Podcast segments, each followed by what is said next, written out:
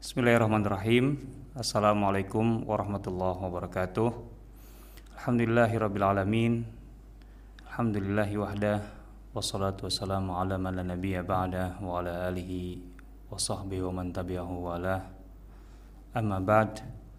Allahumma inni a'udzu bika an azilla aw uzal aw adilla aw udal aw azlima aw uzlam aw ajhala aw yujhala alai. Terima kasih Kakak Nasir di Surabaya. Dan juga terima kasih kepada semua adik-adik yang datang Masya Allah dari berbagai kota di Indonesia. Bukan datang hadir maksudnya di uh, atau melalui Zoom meeting ini. Mulai dari barat sepertinya paling jauh dari Batam gitu ya. Uh, ahlan wasahlan keluarga besar di Batam. Saya kenal sebagiannya tentunya saja uh, ada tadi kelihatannya ada siapa? Ada Faruk kelihatan nggak tadi ya? Kemudian juga dari Batam eh kemudian dari uh, Balikpapan juga ada. Kemudian dari Bandung Kediri Jember Jombang dan tentu saja Surabaya dan beberapa kota lain.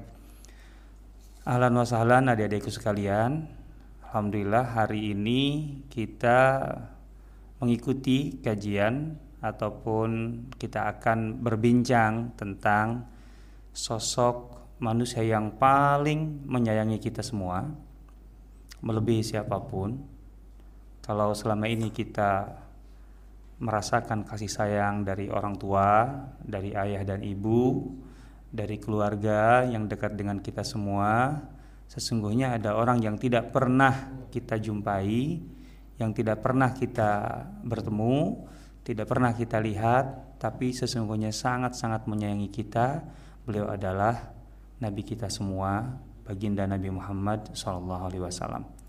Maka kita perlu mengenal beliau lebih jauh karena mengenal orang yang menyayangi kita itu bagian dari cara kita untuk berterima kasih kepada beliau karena kasih sayang beliau bukan sekedar ngasih permen, bukan sekedar ngasih uang jajan, enggak.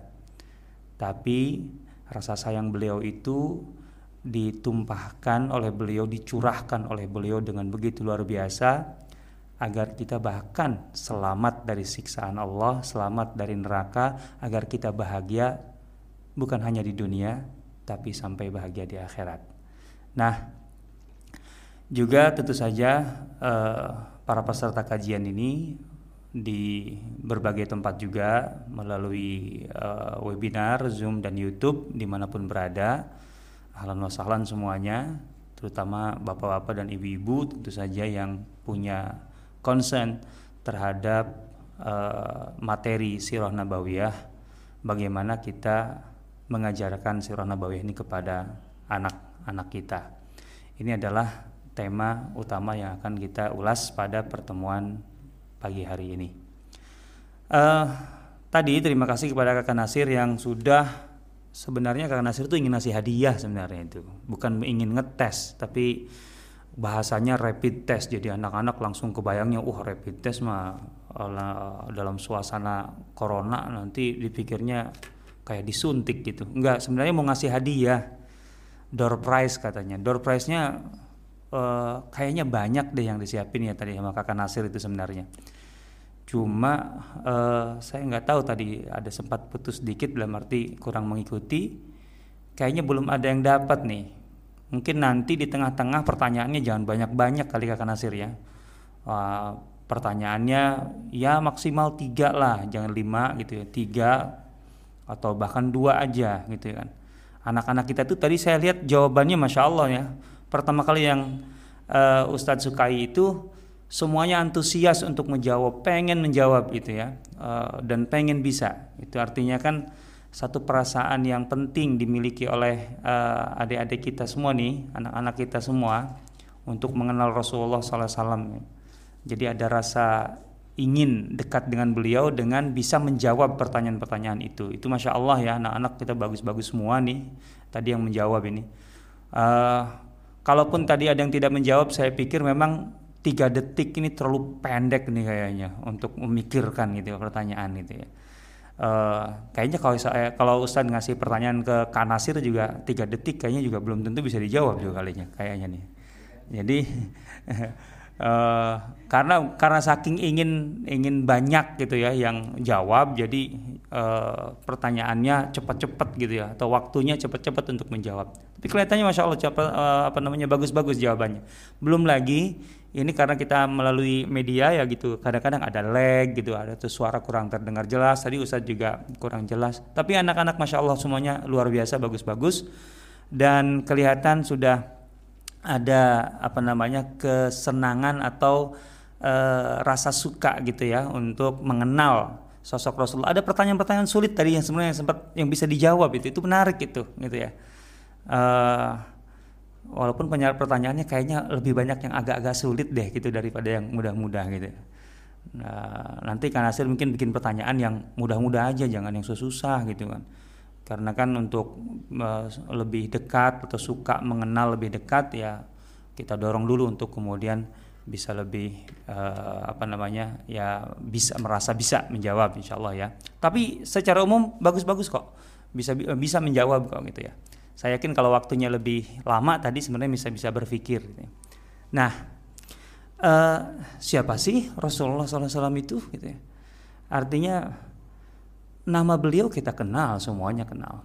Ya, saya akan sedikit uh, mengomentari atau mengulas gitu ya dari pertanyaan-pertanyaan tadi. Sebenarnya ada banyak hal yang uh, adik-adik semua kenal dari uh, sosok Rasulullah SAW. Tentu saja siapa yang tidak mengenal nama Muhammad. Nama yang paling uh, banyak dipakai di dunia ini, gitu ya. Nama orang, nama manusia, jumlah manusia itu kan sampai mungkin sekitar 7 miliar sekarang. Nama yang sama, yang paling banyak dipakai itu adalah nama Muhammad wasallam di dunia ini. Jadi kan kalau orang-orang barat ada namanya contohnya George ada nama apa lagi John gitu ya itu kalau dibanding dengan nama atau jumlah orang manusia di bumi ini yang menggunakan nama Muhammad maka yang paling banyak adalah nama Muhammad berarti paling terkenal dan nama Muhammad adalah nama yang paling sering didengar karena namanya masuk dalam uh, panggilan azan. Kan dalam azan itu ada uh, kalimat setelah Allahu Akbar Allahu Akbar asyhadu an la ilaha illallah kan ada asyhadu anna Muhammadar Rasulullah. Jadi selain nama Allah, nama Muhammad atau bersama nama Allah, nama Muhammad sallallahu alaihi itu dikumandangkan, dinyatakan, diperdengarkan melalui azan.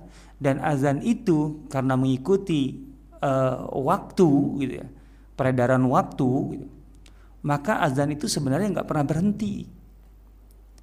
Dari mulai timur coba aja kita hitung subuh di New Zealand ada azan. Pasti ada yang muslim kan di sana ada yang azan ada yang komat kemudian ke Australia kemudian masuk ke Papua masuk ke Indonesia Tengah gitu ya ke Maluku kemudian juga tengah tuh Balikpapan Sulawesi Bali mas ah, Bali udah masuk barat ya.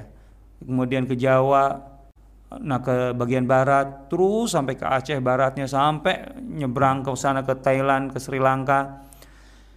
Jadi ini nama yang paling banyak dipakai dan nama yang paling sering didengar nama Muhammad bumi ini nggak pernah sepi dari suara yang menyebut nama Muhammad asyhadu anna Muhammad Rasulullah sehingga kalau kita berbicara tentang orang yang tersohor, yang terkenal, popularitas, maka ya sebenarnya sadar ataupun tidak, yang paling terkenal di dunia ini adalah nama Muhammad. Nah, itulah cara Allah untuk mengangkat seorang sosok yang sangat luar biasa ini di dunia namanya begitu harum di bumi. Tentu saja sebelumnya namanya telah harum di langit. Allah mengutus bukan puluhan nabi. Sepanjang sejarah kehidupan manusia beribu-ribu tahun dari sejak zaman Nabi Adam sampai Nabi sebelum Nabi Muhammad yaitu Nabi Isa alaihi salam. Sepanjang beribu-ribu tahun Allah mengutus bukan hanya puluhan nabi. Bukan 25 nabi dan rasul. Bukan hanya ratusan nabi bukan hanya ribuan nabi, tapi ratusan ribu nabi pernah diutus oleh Allah sepanjang ribuan tahun itu. Dan tahukah adik-adik semua? Tidak ada nabi yang diutus oleh Allah kecuali Allah beritahu kepada nabi tersebut tentang akan kedatangan nabi terakhir yaitu Nabi Muhammad sallallahu alaihi wasallam. Jadi nama Nabi Muhammad itu dikenalkan oleh semua nabi di sepanjang sejarah dunia ini kepada umatnya masing-masing. Sehingga begitu terkenal nabi kita itu. Bahkan bukan hanya para nabi dan penghuni bumi yang dikenalkan oleh Allah kepada nabi kita atau Allah mengenalkan Nabi kita kepada mereka, tapi juga penghuni langit. Nabi kita Muhammad SAW terkenal di seluruh pelosok bumi dan juga terkenal di seluruh sudut di langit yang tidak terbatas itu. Tidak ada malaikat yang tidak tahu tidak ada malaikat yang tidak penasaran. Tidak ada malaikat yang tidak menunggu dan merindukan sosok Nabi kita Muhammad Sallallahu Alaihi Wasallam. Semua penghuni langit mengetahui, menunggu, dan merindukan Nabi kita. Dalam kisah Isra dan Mi'raj, ketika Rasulullah SAW naik ke Sidratul Muntaha melalui tujuh lapis langit. Disebutkan bahwa di setiap langit, di setiap lapis langit, langit pertama, langit kedua, langit ketiga, langit keempat, langit kelima, langit keenam, dan langit ketujuh. Itu selalu ada gerbang di mana orang yang akan masuk ke salah satu langit itu harus minta izin dibukakan pintu gerbang kepada malaikat penunggu pintu atau gerbang langit. Waktu itu yang tentu semua tahu ya, yang menemani Rasulullah SAW Mi'raj itu siapa? Malaikat Jibril.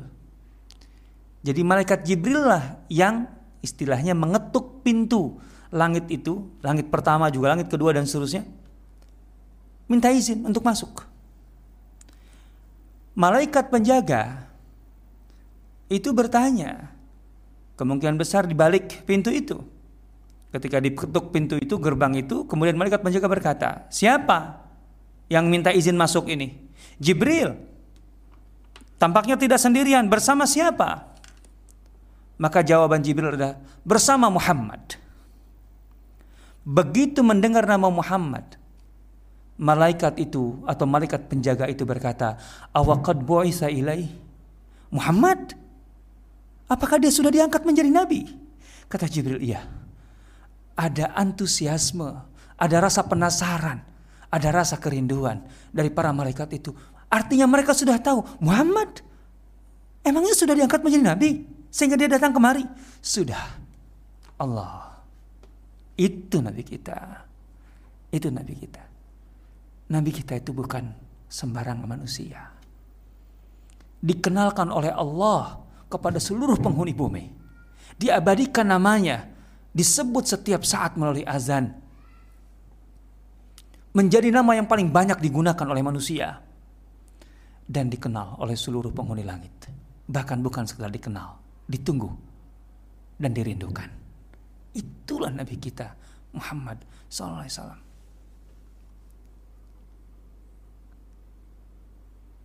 Kalau kita pernah mengagumi seseorang karena kehebatannya, kita harus tahu dan yakin bahwa di atasnya ada sosok yang harus jauh lebih kita kagumi. Kalau ada orang yang kita hormati karena kelebihannya, maka di sana ada sosok yang berada di puncak kehormatan itu dan tidak ada yang melebihinya. Dialah Nabi kita Muhammad Sallallahu Alaihi Wasallam.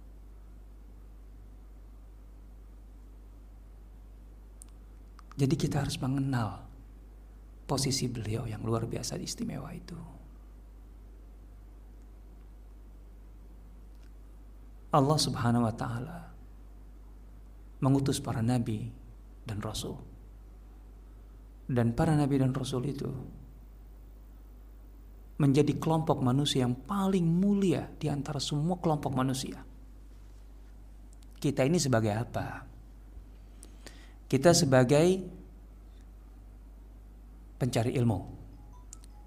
Kita sebagai uh, orang yang berusaha menjadi orang baik atau beramal saleh kita sebagai orang yang mencoba untuk berbuat baik, bekerja dan lain sebagainya untuk memberi manfaat kepada orang banyak dengan berbagai profesi. Kita sebagai posisinya sebagai pejabat, pengusaha, penguasa dan seterusnya seterusnya. Tapi ingat, dari semua kelompok manusia dengan berbagai posisinya, jabatannya, tidak ada yang lebih mulia daripada para nabi dan rasul. Tidak ada. Tidak ada yang lebih mulia dari para nabi dan rasul. Sesoleh apa pun manusia, maka dia bisa menjadi orang muslim, mukmin, orang bertakwa, mujahid, gitu ya, syahid di jalan Allah siddiq dan seterusnya seterusnya. Tapi semua itu jelas masih di bawah derajat dan kedudukan Nabi dan Rasul. Tidak ada kelompok manusia yang lebih mulia daripada Nabi dan Rasul. Ada ratusan Nabi, Nabi dan Rasul. Jadi kelompok yang paling dicintai Allah ini jumlahnya bukan sedikit, ratusan ribu. Di antara semua Nabi dan Rasul itu ada lima Nabi dan Rasul yang sangat-sangat atau bisa dikatakan merupakan top of the topnya yang paling mulia lima dari ratusan ribu itu. Yang disebut dalam Al-Quran sebagai ulul azmi minar rusul. Nabi-nabi dan rasul yang tergolong ulul azmi itu hanya lima. Itu adalah topnya yang paling mulia di antara para nabi dan rasul yaitu nabi secara urutan Nabi Nuh Ayo adik-adik sebut ulul azmi Nabi Nuh kemudian Nabi Ibrahim kemudian Nabi Musa kemudian Nabi Isa kemudian Nabi kita Nabi Muhammad sallallahu alaihi wasallam. Jadi dari ratusan ribu ada lima yang paling mulia yaitu ulul azmi. Sekali lagi Nabi Nuh, Ibrahim, Musa, kemudian Isa, kemudian Nabi Muhammad alaihi wassalatu wassalam. Jadi yang lima ini dibanding dengan nabi-nabi lain, ini yang paling hebat. Akan tetapi, meskipun sama-sama ulul azmi, kita lihat kedudukan Nabi kita Muhammad Sallallahu Alaihi Wasallam dibanding Nabi Musa sekalipun yang kita tahu Nabi Musa itu diutus oleh Allah untuk berhadapan-hadapan dengan penguasa yang sangat-sangat zalim, kejam, Firaun. Yang diabadikan dalam Al-Qur'an kita baca wakala Firaun, wakala Firaun, wa Firauna dan dan seterusnya. Berkali-kali disebut sebagai contoh penguasa yang hebat tapi jahat, sesat, zalim, bahkan sampai mengaku dirinya sebagai Tuhan. Nabi Musa alaihissalam diutus untuk berhadapan dengan ini dengan mukjizat yang luar biasa karena harus menghadapi kekuasaan yang juga luar biasa. Kita tahu tongkat Nabi Musa yang bisa berubah menjadi ular, menghabisi uh, ular-ular jejadian yang dibuat oleh tukang sihir Firaun. Kemudian tongkat itu pula bisa membelah apa membelah uh, lautan menjadi jalanan luar biasa dan kemudian dari situ karena itulah Firaun tenggelam. Musa itu luar biasa, Nabi Musa itu luar biasa. Tapi begitu Nabi Musa alaihissalam berhadapan dengan satu kejadian di mana Nabi Musa dipanggil oleh Allah Subhanahu wa taala untuk mendapatkan atau menerima wahyu dan kitab Taurat. Maka Allah menjanjikan pertemuan di Tursina, di Sinai, gitu ya.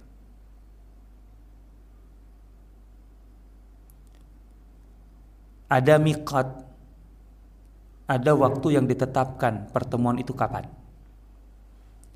Nabi Musa datang ke tempat pertemuan itu lebih cepat dari waktu yang ditentukan. Jadi Nabi Musa alaihissalam datang ke tempat itu lebih cepat dari waktu yang telah ditentukan. Karena itu Kemudian Allah bertanya, setelah waktunya tiba, Allah bertanya, Ma'ajalaka ya Musa? Kenapa engkau datang lebih cepat dari waktu yang ditentukan? Artinya datang sebelum waktunya. Itu kan bagus. Tentu saja kalau ada orang yang bekerja datang sebelum waktu eh, apa namanya masuk kerja itu. Contohnya masuk kerja jam atau sekolah jam 7 setengah 7 sudah ada di sekolah. Wah itu kan anak rajin kan gitu. Nabi Nabi Musa ingin mendapatkan satu kelebihan di mata Allah Subhanahu wa taala dengan datang lebih dulu itu maka Nabi Musa mengatakan wa ajiltu ilaika rabbi litardo Ya Allah aku datang lebih dulu dari waktu yang ditentukan agar engkau menerimaku, ridho padaku. Allahu Akbar. Itulah memang tujuan hidup manusia. Kita tuh kan tujuan hidup kita mencari ridho Allah kan. Bahwa apa yang kita lakukan itu diridhoi Allah karena kalau sudah diridhoi Allah, Allah akan memberikan segalanya. Jadi Nabi Musa datang lebih dulu dari waktu yang ditentukan untuk mendapatkan ridho dari Allah. Wa ajiltu ilaika rabbi litarda. Tapi di sini kita juga memahami bahwa Nabi Musa masih mengejar ridho Allah itu. Kita sekarang bandingkan dengan Nabi Muhammad SAW. Ketika Jibril tidak turun beberapa hari, tidak menyampaikan wahyu, Rasulullah begitu sedih karena Rasulullah itu sangat merindukan petunjuk Allah. Sangat merindukan petunjuk Allah. Sehingga kedatangan Jibril adalah saat yang paling membahagiakan beliau. Menyenangkan beliau. Dan karena hal itu pula orang-orang musyrik Quraisy itu kemudian nyinyir kepada Rasulullah. Wah, nggak datang lagi dia ya. Wah, Muhammad, Tuhanmu kayaknya udah nggak suka lagi sama kamu. Tuh buktinya yang biasanya datang yaitu Jibril maksudnya nggak datang lagi. Tambah sedih Rasulullah. Tambah sedih. Pertama yang membuat sedih itu bukan semata-mata karena dinyinyirin oleh orang-orang musyrik Quraisy. Itu sih nggak seberapa bagi beliau. Tapi pada dasarnya beliau merindukan wahyu, merindukan kedatangan Jibril. Hei Jibril nggak datang. Rupanya Allah Subhanahu wa taala punya maksud dengan itu. Dan beberapa hari kemudian Jibril pun datang menyampaikan wahyu yang sangat luar biasa dirasakan oleh Rasulullah. Wadduha walaili idza saja Allah bersumpah. Allah bersumpah demi waktu duha. demi waktu malam ketika merayap sunyi, hening dan gelap. Allah bersumpah, "Ma wadda'aka rabbuka wa maqala." Dengan sumpah itu Allah mengatakan, "Muhammad, Tuhanmu tidak sekali-kali meninggalkanmu dan membencimu." Jibril tidak datang bukan karena Tuhanmu meninggalkanmu dan membencimu. Allah bersumpah. Bayangkan saja. Walal akhiratu khairul laka minal ula. Dan kemudian Allah menyatakan wala yu'tika. Dan Tuhanmu dengan sumpah tadi akan terus memberimu wahai Muhammad sampai engkau ridha. Fahamkah sampai di sini? Nabi Musa ketika datang lebih dulu dari waktu yang ditentukan mengatakan wa ajiltu ilaika rabbi litarda. Tuhanku, aku datang lebih dulu supaya engkau ridho padaku. Aku masih mengharap ridhomu. Artinya mencari, mengejar ridhomu. Tapi Rasulullah, Rasulullah tidak perlu mengejar. Tapi Allah yang menyatakan, wala saufa yu'tika rabbuka dan Tuhanmu akan terus memberimu Muhammad, terus memberimu sampai engkau ridho. Nabi Musa dengan segala kehebatannya masih mengejar, tapi Nabi Muhammad terus diberi. Apakah bisa disamakan? Tidak bisa. Ini kedudukan Nabi kita. Artinya di mata Allah saja kedudukan Nabi kita itu sangat luar biasa. Anak-anakku, adik-adikku dan semua orang tua harus paham poin ini. Allah Subhanahu wa taala memang memperlakukan nabi kita Muhammad wasallam berbeda bahkan dengan nabi-nabi yang lain sekalipun. Jangan dengan kita, dengan nabi-nabi lain sekalipun. Bukankah dalam Al-Qur'an Allah menunjukkan itu? Allah menyebut, memanggil banyak nabi dalam Al-Qur'an. Ya Zakaria, ya Yahya, Ya Musa. Allah memanggil nama adalah nabi-nabi itu dengan namanya. Tapi lihat, ketika Allah memanggil nabi kita, Muhammad SAW, apakah Allah menyebut atau memanggil beliau dengan menyebut namanya? Enggak. Allah menyebut Nabi Muhammad itu untuk memberikan kabar. Untuk menjelaskan tetapi kalau untuk memanggil sekedar memanggil nggak pernah menyebut namanya. Ya ayuhan nabi, ya ayuhar rasul, ya ayuhal mudathir, ya ayuhal muzammil. Memanggil dengan nama dan memanggil dengan bukan nama. Itu menunjukkan kedudukan yang berbeda.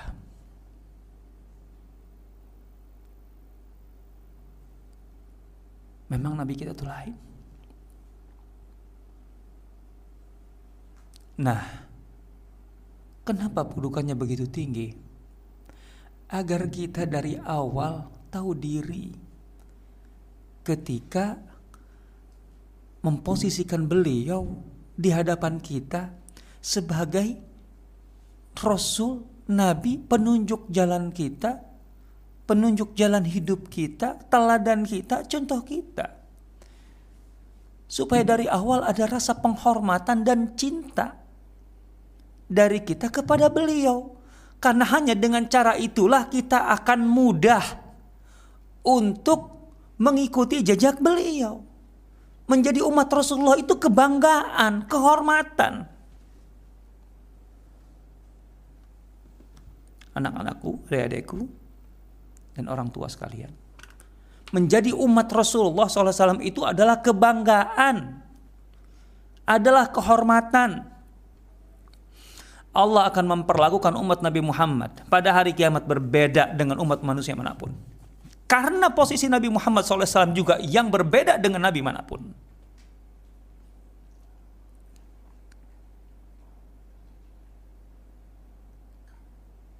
Semua orang yang beriman berhak masuk surga. Tapi di antara seluruh umat manusia, maka yang lebih dulu akan masuk surga adalah umat Nabi Muhammad SAW meskipun menjadi umat terakhir yang hidup atau yang ada di dunia. Kita umat terakhir, tapi kita menjadi umat yang pertama. Dipersilahkan masuk surga.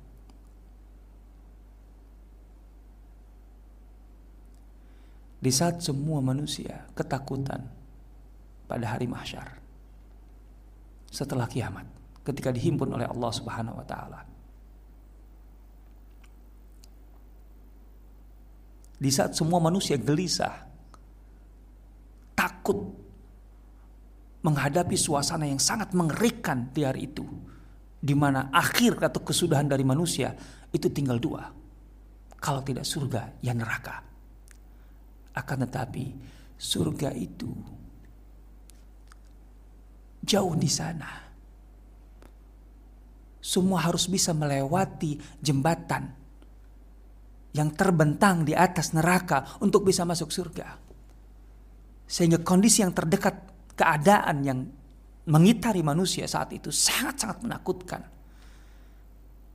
Di tengah ketidakpastian, kegelisahan, ketakutan itulah kita semua nanti manusia akan berbicara satu sama lain bagaimana ini Siapa yang akan menjadi perantara kita untuk menghadap Allah, untuk memberi kepastian dan ketenangan kepada kita semua saat itu? Siapa yang bisa menghadap kepada Allah dalam saat seperti itu? Tentu kemudian semuanya berpikir hanya para nabi lah yang bisa menghadap Allah. Maka manusia berbondong-bondong datang kepada Adam alaihissalam. Adam anta abuna. Adam, kami anak-anakmu Adam. Kami takut dengan keadaan seperti ini. Adam, menghadaplah kepada Allah. Mintalah kepada Allah agar memberi kepastian dan ketenangan kepada kami. Adam, ayah kita semua berkata apa coba? Anak-anakku, maafkan ayah kalian, ayah tidak sanggup. Kenapa? Ada mengatakan, hari ini Allah sedang marah, Allah sedang murka, semurka-murkanya.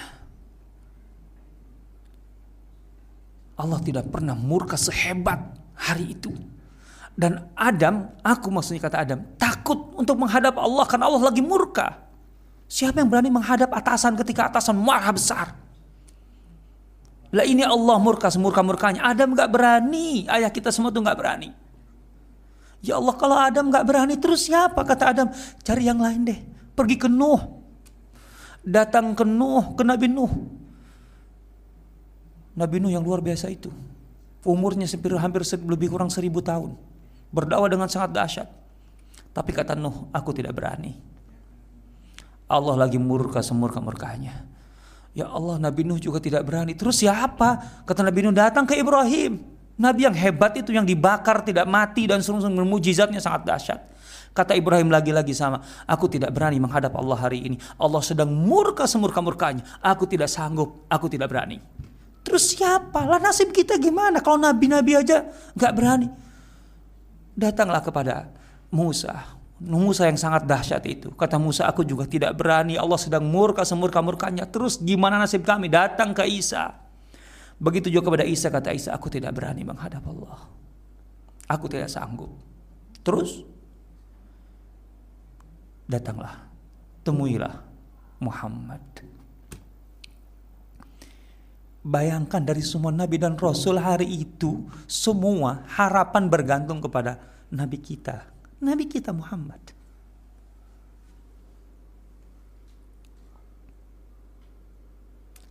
Maka begitu datang kepada Nabi Muhammad. Maka Nabi Muhammad langsung sujud. Memuji Allah dengan asma-asma Allah, al-asmaul husna. Baik asmaul husna yang kita kenal dan untuk hari itu karena itu hari yang sangat luar biasa, sangat dahsyat, Allah mengajarkan Asmaul Husna yang baru yang tidak pernah diajarkan sebelumnya.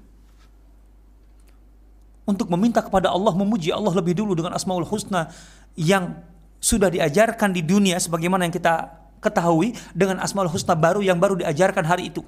Terlalu dahsyat hari itu. Sampai kemudian Allah berkata, Muhammad, bangkitlah bangkit dari sujudmu. Muhammad sal tu'ta. Muhammad, sampaikan permintaanmu. Akan kukabulkan apa pun yang kau minta. Muhammad, isfa tushaffa. Muhammad, sebutkan, katakan, sampaikan syafaatmu. Siapa yang akan engkau tunjuk untuk diselamatkan? Yang akan kau sebut untuk diselamatkan? Maka syafaatmu pun akan dikabulkan. Allahu Akbar. Saat itulah semua orang berharap. Namanya disebut. Namanya terucap melalui lidah Rasulullah Sallallahu Alaihi Wasallam sehingga dia mendapatkan syafaat. Betapa bahagianya kita sebagai umatnya. Dan di antara semua manusia perhatian Rasulullah kepada umatnya, kepada kita. Rasul memperhatikan semua orang. Semua umat manusia. Tapi beliau memberikan perhatian khusus kepada kita semua.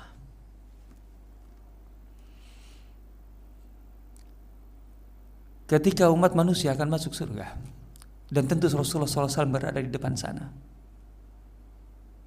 kan selayaknya sepantasnya Rasulullah masuk surga lebih dulu. Tetapi Rasulullah tidak segera masuk surga. Karena ada yang beliau tunggu. Yaitu kita semua, umatnya.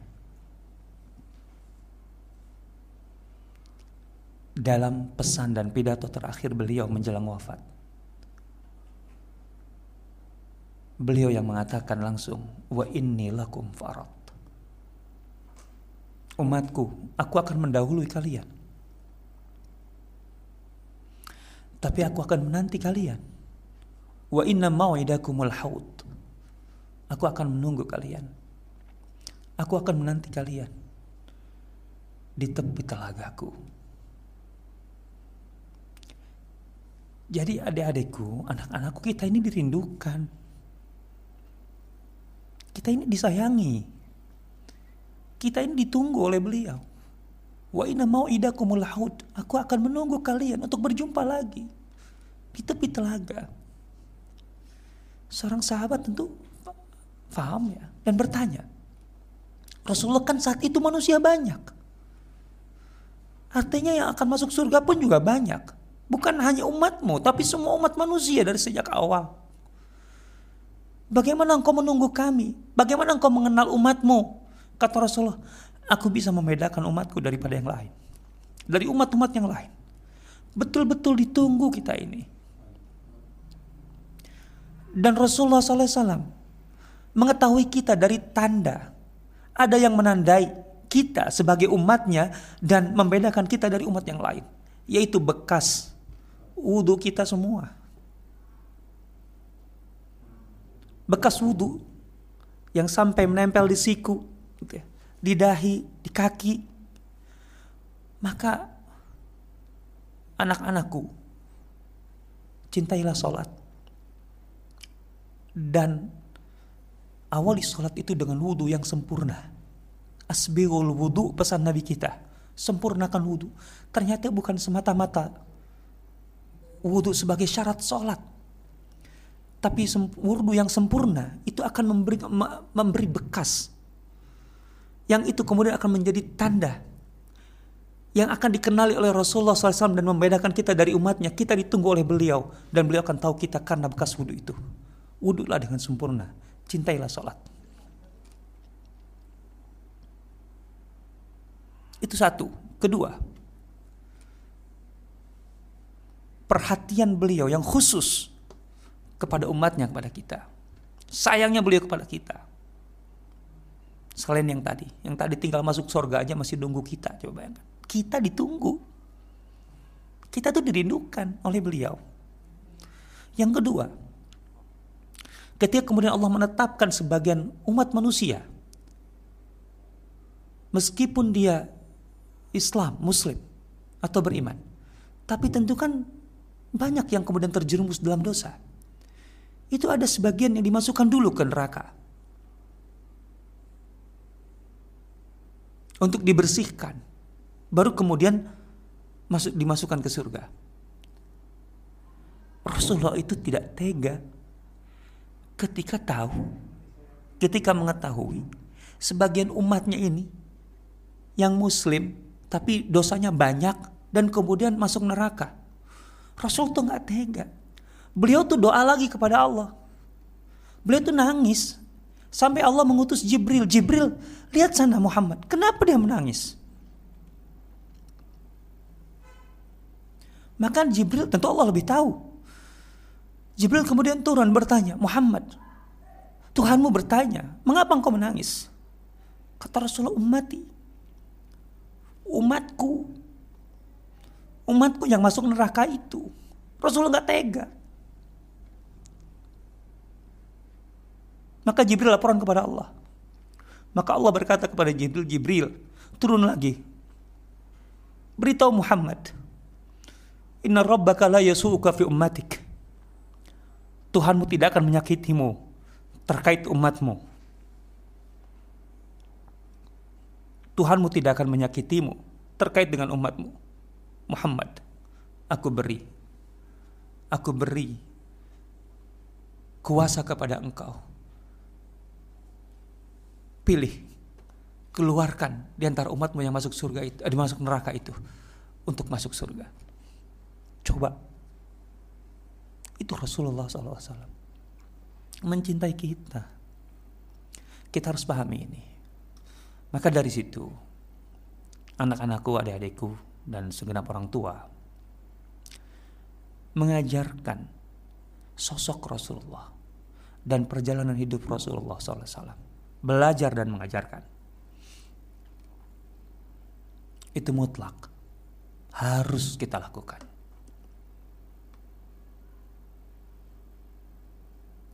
kita tidak akan bisa menjadi seorang muslim dan mukmin yang benar kalau kita tidak kenal dengan sepatutnya dengan semestinya sosok Nabi kita Muhammad sallallahu alaihi wasallam perasaan kita akan hambar kepada beliau hanya sekedar tahu lahirnya kapan di mana tahu data menerima wahyu itu apa yang pertama apa hanya sekedar tahu data atau bahkan ada yang nggak tahu.